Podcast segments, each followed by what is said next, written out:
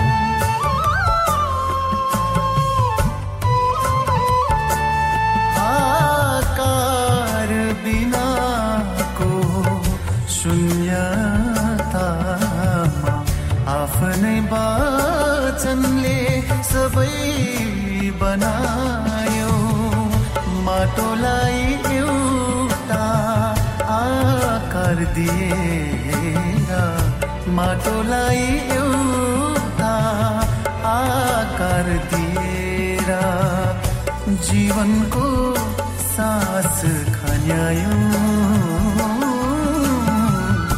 जीवनको सास खन्यायो। अनन्तको तिम्रो वचन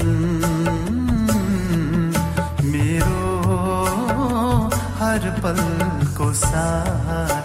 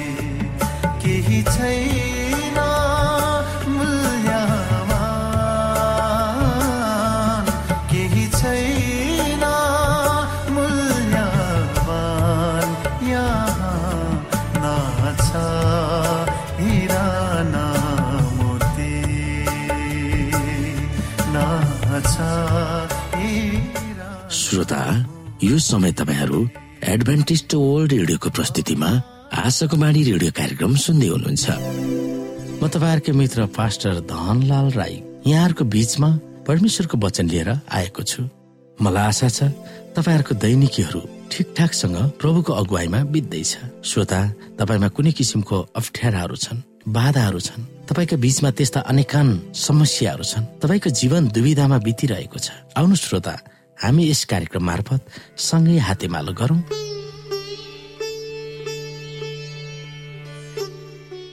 श्रोता आज म तपाईँको बीचमा शत्रुलाई प्रेम गर्नु भन्ने परमेश्वरको वचनलाई लिएर आएको छु। स्वीकार्नुहोस्। एउटा भारतको वाराणसी शहरका श्रीमोहनको कुरालाई लिएर आएको छु। एक दिन एकजना अञ्जन मान्छेले भारतको वाराणसी शहरमा श्रीमोहनसँग सम्पर्क गरे र उनलाई एउटा पत्रिका दिए जसलाई उनले नम्रता साथ स्वीकार गरे। उत्साह र आशाको साथ पत्रिकाको विषय सूची पढ्ने क्रममा उनलाई एउटा शीर्षकले आश्चर्यजनक रूपमा आकर्षित तुल्यायो। आफ्नो शत्रुलाई प्रेम गर्नु यो कस्तो किसिमको विचार हो? उनले सोचे एउटा ब्रह्माण्ड भएको कारणले गर्दा उनी भगवान र जीवनप्रति भएको आफ्नो ज्ञानमा विश्वस्त थिए। र यस विषयमा यस्तो आश्चर्य कुराहरू हुन्छन् भन्ने कहिले सोचेका थिएनन्।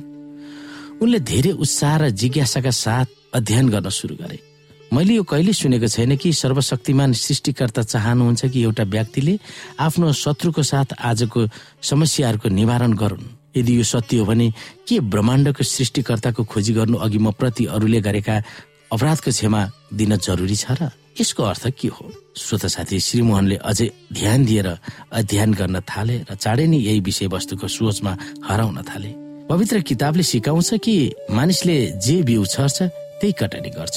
यो नयाँ अध्ययनले यो पनि दावा गर्छ कि सबै मानिसहरूले धार्मिक पृष्ठभूमि जात वर्ग र लिङ्गको प्रभाव बिना नै जे रोप्छन् त्यसैको कटनी गर्छन्। यसको अर्थ छ तर यदि मानिसहरूले विशेष गरी म प्रति खराब सोच राखेका वा गरेका छ भने उनीहरूलाई प्रेम गर्नलाई मेरो भावनाहरू तयार होला र उनले बुझ्ने कोसिस गरे उनले अर्थ लगाउन थाले। यदि कुनै मान्छेले मेरो सामान चोरी गर्छ भने उसले त्यो सामान फिर्ता गर्नुपर्छ। एउटा चोरलाई प्रेम गर्नुको अर्थ के हुन्छ? के यो सम्भव छ? साँच्चै प्रेमको अर्थ के हो? उनले आफ्नो परिवार प्रतिको प्रेम सम्झिँदै अर्थ लगाए। प्रेम भनेको त व्यक्तिको व्यवहार र सोचले प्रस्तुत गर्ने कुरा हो। एउटा पिताले परिवारलाई खाना र घर उपलब्ध गराएर आफ्नो प्रेम दर्शाउँछन्। एउटा आमा आफ्नो सन्तानले खाना पाउन् भनेर आफू भोकै बस्न तयार हुन्छन्। यो पनि असल हो। तर आफ्नो शत्रुलाई प्रेम गर्नु यो कसरी सम्भव हुन सक्छ? आफ्नो शत्रुलाई प्रेम गर्दा कस्तो देखिन्छ होला? शत्रुलाई प्रेम गर्नुको मतलब म ठिक भएर उनीहरू गलत भएको पनि उनीहरूलाई क्षमा दिन सकिएला र साँच्चै नै यस्तो किसिमको प्रेम एउटा पिताले आफ्नो सन्तानको निम्ति दिएको बलिदान भन्दा पनि महान हुन्छ। तर एकछिन के शत्रुलाई क्षमा दिनु भनेको उनीहरूले गरेको पापहरूको नतिजाबाट उनीहरूलाई मुक्ति दिनु हो र? होइन यो अध्ययनले त यस्तो बुझाउँदैन सुझाव दिँदैन। के थाहा यदि क्षमा दिनेलाई पो केही फाइदा हुन्छन् कि? त्यसै कारण क्षमा दिनाले अन्यायमा परेका व्यक्तिहरूलाई बलियो बनाउँछ। यसै कारण कुनै न कुनै कारण क्षमा याचनाले एउटा अन्यायमा परेका व्यक्तिलाई उसका शत्रुले दिएका भावनात्मक पीडाहरूबाट मुक्त गर्न सहयोग पुर्याउँदछ। अनि उनमा अर्को नयाँ सोच आउँछ शत्रुहरू प्रति क्षमाले सधैँ पीडा दिने व्यक्तिहरूमा पर्ने असरको बारेमा। के थाहा क्षमा प्राप्तिको कारणले मेरा शत्रुहरूले परमेश्वरको प्रेम देख्छन् कि? र उनीहरूले खराब काम गर्न छोड्नु भन्ने परमेश्वर चाहनुहुन्छ भन्ने कुरा बुझ्छन् कि? के थाहा प्रेमकै कारणले उनीहरू परिवर्तित पो हुन्छन् कि?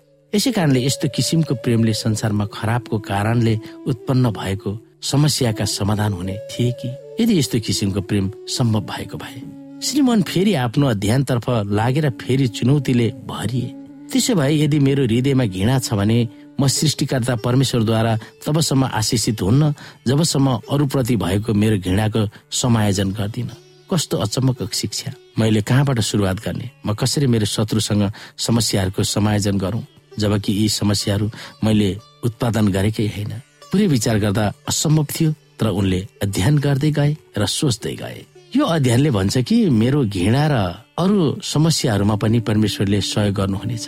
यहाँ यस्तो पनि भनिएको छ कि उहाँ चाहनुहुन्छ कि पहिले मैले उहाँलाई प्रार्थनामा खोजु र आफ्नो सबै भारी उहाँमा बिसाउ र उहाँले उक्त भारी मेरो निम्ति बोकिदिनु हुनेछ तर म कसरी परमेश्वरसँग कुरा गरौँ? अनि उनले कसरी परमेश्वरले शान्तिको गोप्य प्रार्थनाको उत्तर दिनुभयो भन्ने कुरा अध्ययन गरे। शान्ति आफ्नो सेवा निर्वती हुने दिनभन्दा छ महिना अगाडि बिरामी परेकी रहेछन्। शान्तिका चिकित्सकहरूले उनको रोगको कारण पत्ता लगाउन सकेको रहेनछन् उनी सहयोगविहीन अवस्थामा अस्पतालमा पल्टिरहन् अनि उनको एउटा चिकित्सकले प्रार्थना गर्न उनलाई सल्लाह दिनुभयो र चिकित्सकले भन्नुभयो परमेश्वरले उनलाई निको पार्नुहुन्छ भन्ने कुरामा उनी विश्वस्त हुनु पर्दथ्यो शान्ति निको भएर आफ्नो परिवारसँग बस्न चाहन्थिन्। त्यसै कारण परमेश्वर मलाई निको पार्नुहोस् भन्दै हृदयमा शान्तिले प्रार्थना गरिन्। अर्को दिन चिकित्सकहरूले शान्तिको स्वास्थ्यमा ठुलो परिवर्तन देखे। उनको स्वास्थ्य सुधार देखेर सबैजना चकित भए। उनले भनिन् मुक्तिनाथ सृष्टिकर्ता परमेश्वरले मलाई निको पार्नुभयो। श्रीमन दोधारमा परे के यस्तो हुन सक्छ र? उनले सोच्न थाले के परमेश्वरले मेरो प्रार्थनाको पनि उत्तर दिनुहुन्छ र? के उहाँले मलाई शत्रुलाई प्रेम गर्न सहयोग गर्नुहुन्छ र? श्रीमनले अझै अध्ययन गर्न थाले। यो सबै अध्ययनले उनको सोच विचारमा ठुलो चुनौती ल्यायो। उनले उक्त अध्ययनबाट थाहा पाए कि परमेश्वरले आफ्नो प्रेम हामी सबैलाई हामीले सास फेर्ने हावा झै सित्तैमा दिनुहुन्छ। एउटा ठुलो तरङ्ग उत्पन्न भएर उनले सोचे यदि हामीले यसरी प्रेम सित्तैमा प्राप्त गर्न सक्छौ भने यदि प्रेम मेरो जात वर्ग धार्मिक पृष्ठभूमिद्वारा नियन्त्रित हुँदैन भने मैले जुनसुकै जात वर्ग र धर्मका मानिसहरूलाई प्रेम गर्न सक्नु पर्दछ। के यो सम्भव छ त? यो अवस्थामा उनी डराउनु पर्ने हो वा असन्तुष्ट हुनु पर्ने हो भन्ने कुराको उनले पत्तो पाएनन्। पहिलेदेखि जान्दै आएको ज्ञानमा उनी हलचल भए यस्तो गर्नाले आफू अपवित्र र दोषी साबित हुन सक्छु र यसको बारेमा म के गरौँ? त्यो पत्रिकामा अझै अर्को कथा थियो। त्यो कथाले भने एउटा एकान्त सडकमा यात्रा गर्दै गरेको तल्लो जातिको मानिसको व्याख्या गरेको थियो।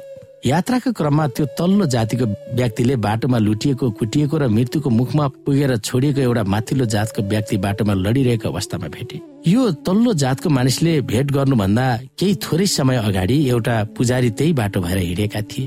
तर उनी रोकिएनन्। पुजारी गएको केही समयमा नै कर उठाउने मानिस एक जात जो एक माथिल्लो जातिका थिए त्यही बाटो हुँदै हिँडेका थिए।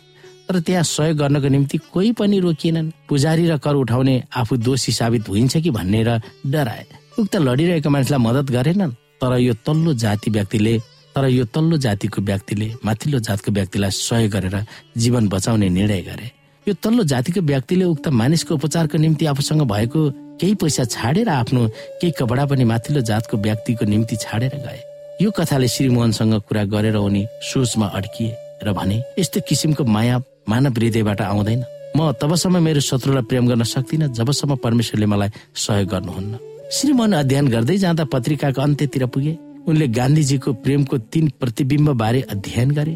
पहिले थियो सत्य र प्रेम कहिले अलग हुन सक्दैन र हामी सबै मानिसहरूलाई उनीहरूको प्रतिष्ठा जात लिङ्ग अथवा धार्मिक पृष्ठभूमि नहेरी प्रेम गर्नु पर्दछ दोस्रो सृष्टिकर्ता परमेश्वरको मानिसहरूप्रति भएको प्रेम नबुझेसम्म कुनै पनि व्यक्तिले अरू मानिसको सहयोग गर्न सक्दैन। मदर टेरेसाको सेवा एउटा यस्तो उदाहरण हो जसको प्रेम परमेश्वरमा गढिएको थियो। तेस्रो र अन्तिम प्रतिबिम्ब थियो शान्ति र प्रेम सधैँ सँगै हिँड्छन् यदि हामी शान्ति चाहन्छौँ भने हामीले हाम्रो काम र प्रेमीले विचारद्वारा देखाउनु पर्छ मोहनले जुन कुरा पढे त्यसबाट उनी चकित भए। अन्तिम श्रोता आफ्नो शत्रुलाई प्रेम गर्नु कस्तो राम्रो र अचम्मको विचार।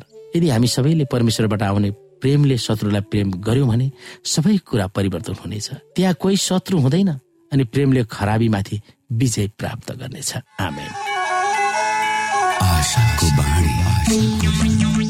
श्रोता तपाईँ आशाको बाढी रेडियो कार्यक्रम सुन्दै हुनुहुन्छ। श्रोता मित्र यदि तपाईँ जीवनदेखि हरेस खानु भएको छ तपाईँका जीवनमा धेरै अनुत्तरित प्रश्नहरू छन् भने आउनुहोस् हामी तपाईँलाई परमेश्वरको ज्योतिमा डोहोऱ्याउन चाहन्छौ र तपाईँ आफ्नो जीवनका चिन्ता फिक्रीबाट निश्चिन्त हुनुहोस् र बाँच्नुको आनन्द परमेश्वरको सामिप्यमा कति मिठो हुन्छ त्यो चाख्नुहोस् भनी हामी चाहन्छौँ। श्रोता यदि तपाईँ आशाको बाणी कार्यक्रमलाई अनलाइन सुन्न चाहनुहुन्छ वा डाउनलोड गर्न चाहनुहुन्छ भने डट ओआरजीमा जानुहोस्। त्यहाँ तपाईँले प्रत्येक दिनको कार्यक्रम सुन्न र डाउनलोड गर्न सक्नुहुनेछ। हाम्रो वेब पेज यस प्रकार छ ओआरजी इसाई भन्ने शब्द अत्यन्तै गरिमामय शब्द हो। इसाई अर्थात् क्रिस्चियन त्यसलाई भनिन्छ जसले यसुको अनुकरणीय उदाहरणलाई लिएर त्यस अनुसार आफ्नो जीवनलाई उसले अगाडि बढाउँछ।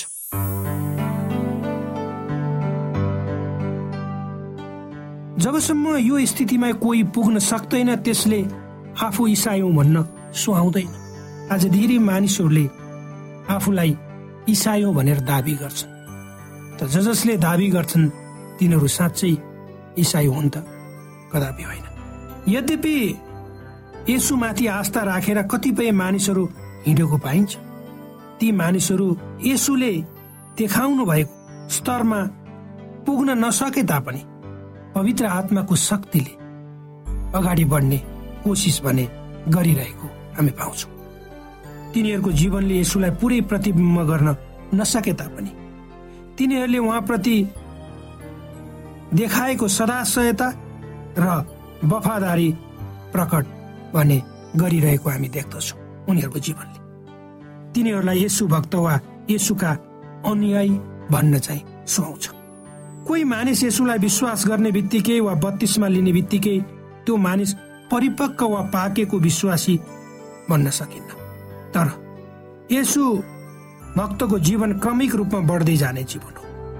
र यसु भक्तको जीवनले बालक पुरुष महिला आदि पनि भन्दै उमेर पुगेका मानिस हुन् वा साना बालिकाहरू हुन् यदि उसको हृदयमा यसुप्रति अगाध प्रेम छ भने परमेश्वरको अगाडि ती व्यक्ति आँखाको नानी हुन जान्छन्। परमेश्वरको राज्यमा ठुलो सानो हुँदैन सम्प्रदाय पनि हुँदैन। जो कोहीले यसुलाई व्यक्तिगत रूपमा स्वीकार गर्दछ र उहाँको इच्छा र आशामा हिँड्छ त्यो व्यक्ति परमेश्वरको राज्यमा सहभागी हुन योग्य हुन जान्छ। कुनै सम्प्रदाय वा डिनोमिनेसनको बिल्ला लगाउँदैमा वा त्यो व्यक्तिले स्वर्गको आनन्द पाउँछ भन्ने होइन। श्रोत साथी यसुका अनुयायीको जीवन सङ्घर्षमय जीवन हो भनेर प्रत्येक विश्वासीहरूले बुझ्नुपर्छ। प्रत्येक यसु भक्तले आफ्नै क्रुस बोकेर उहाँलाई पछ्याउनु पर्छ भनेर यसो आफैले भन्नुभएको छ। कतिपय मानिसहरू क्षणिक लाभले गर्दा यसुलाई पछ्याउँछन्। हो परमेश्वरको इच्छा हो कि सबैजना सम्पन्न हुन् कुशल हुन् सुखी हुन् खुसी हुन् बिना अवरोध जीवन जिउन सकुन्। यसुलाई विश्वास गरेपछि कतिपय मानिसहरूले परमेश्वरको आशिषले ती सबै कुराहरू पाएका छन् भन्ने दावी गर्न सक्दैनन् भन्ने छै यद्यपि यसुका जनहरू यस संसारमा पाहुना वा यात्रुको रूपमा रहने हुनाले तिनीहरूले अनेक अवरोधहरूको सामना गर्नुपर्ने हुन्छ। यसुले भन्नुभयो म भोकाएको थिएँ तिर्खाएको थिएँ। परदेशी वा अपरिचित व्यक्ति थिए नाङ्गो थिए बिरामी थिए कैदमा थिए।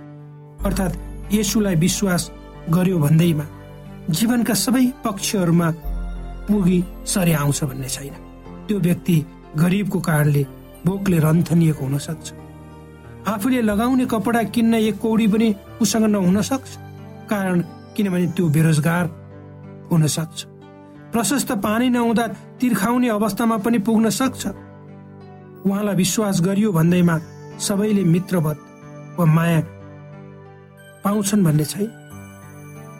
अझ आफ्नै देश वा परिवारमा पनि ऊ अपरिचित हुन सक्छ।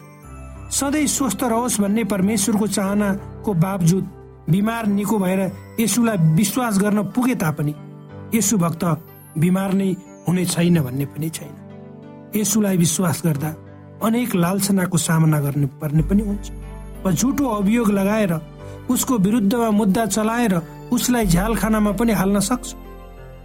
तर यसुले सराहना त्यस व्यक्तिलाई गर्नुहुन्छ जसले ती सबै भौतिक मानसिक वा शारीरिक कष्टका बावजुद पनि चट्टानमा बनेको घर जस्तै उहाँमाथि स्थिर भएर वफादार भएर रहन्छ।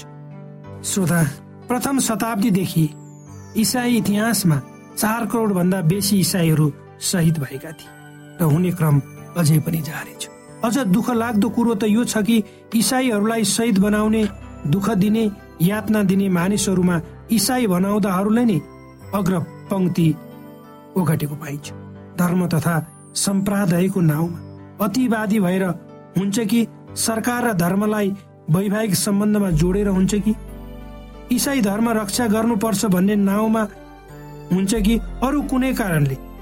नामधारी इसाईहरूले नै इसाईहरूलाई शास्ति चाहे विगतका इतिहासमा होस् वा वर्तमानमा होस् दिइरहेको हामी आफ्नै आँखाले देख्दैछौँ। यसुलाई नचिन्ने अरू आस्था वा राजनैतिक कारणले दुःख दिने त आफ्नै स्थान। यसुलाई नचिन्ने र अरू आस्था वा राजनैतिक कारणले दुःख दिने त आफ्नै स्थानमा छ। तर यसुका श्रद्धेय भक्तहरू जसले प्रभु यीशुलाई बुझेका छन् व्यक्तिगत रूपमा चिनेका छन् ती मानिसहरूले आज आफूले आफूलाई प्रश्न गर्नुपर्ने बेला आएको छ। के साँच्चै म यसु भक्त हुँ? के साँच्चै मैले प्रभु यीशुलाई व्यक्तिगत रूपमा चिनेको छु। अथवा के म ढोगी हुँ वा बाहिरी रूपमा म मात्रै म यसुको अनुयायी हुँ? यो प्रश्न म सबै इसाईहरूलाई राख्दछु।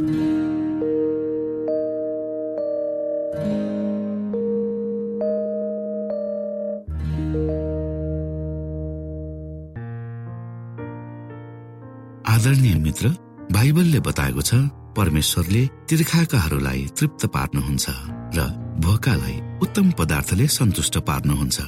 हामीलाई दिइएको यो छोटो समय आशाको बाणीको प्रस्तुतिको समयमा हामीले हाम्रा श्रोताको आत्मिक भोकलाई केही मात्रामा भए तापनि सही प्रकारको खोराक पस्केर आत्मिक सन्तुष्टि दिन सकेका छौँ केही ऊर्जा थप्न सकेका छौँ भनेर हामीले आशा राखेका छौँ।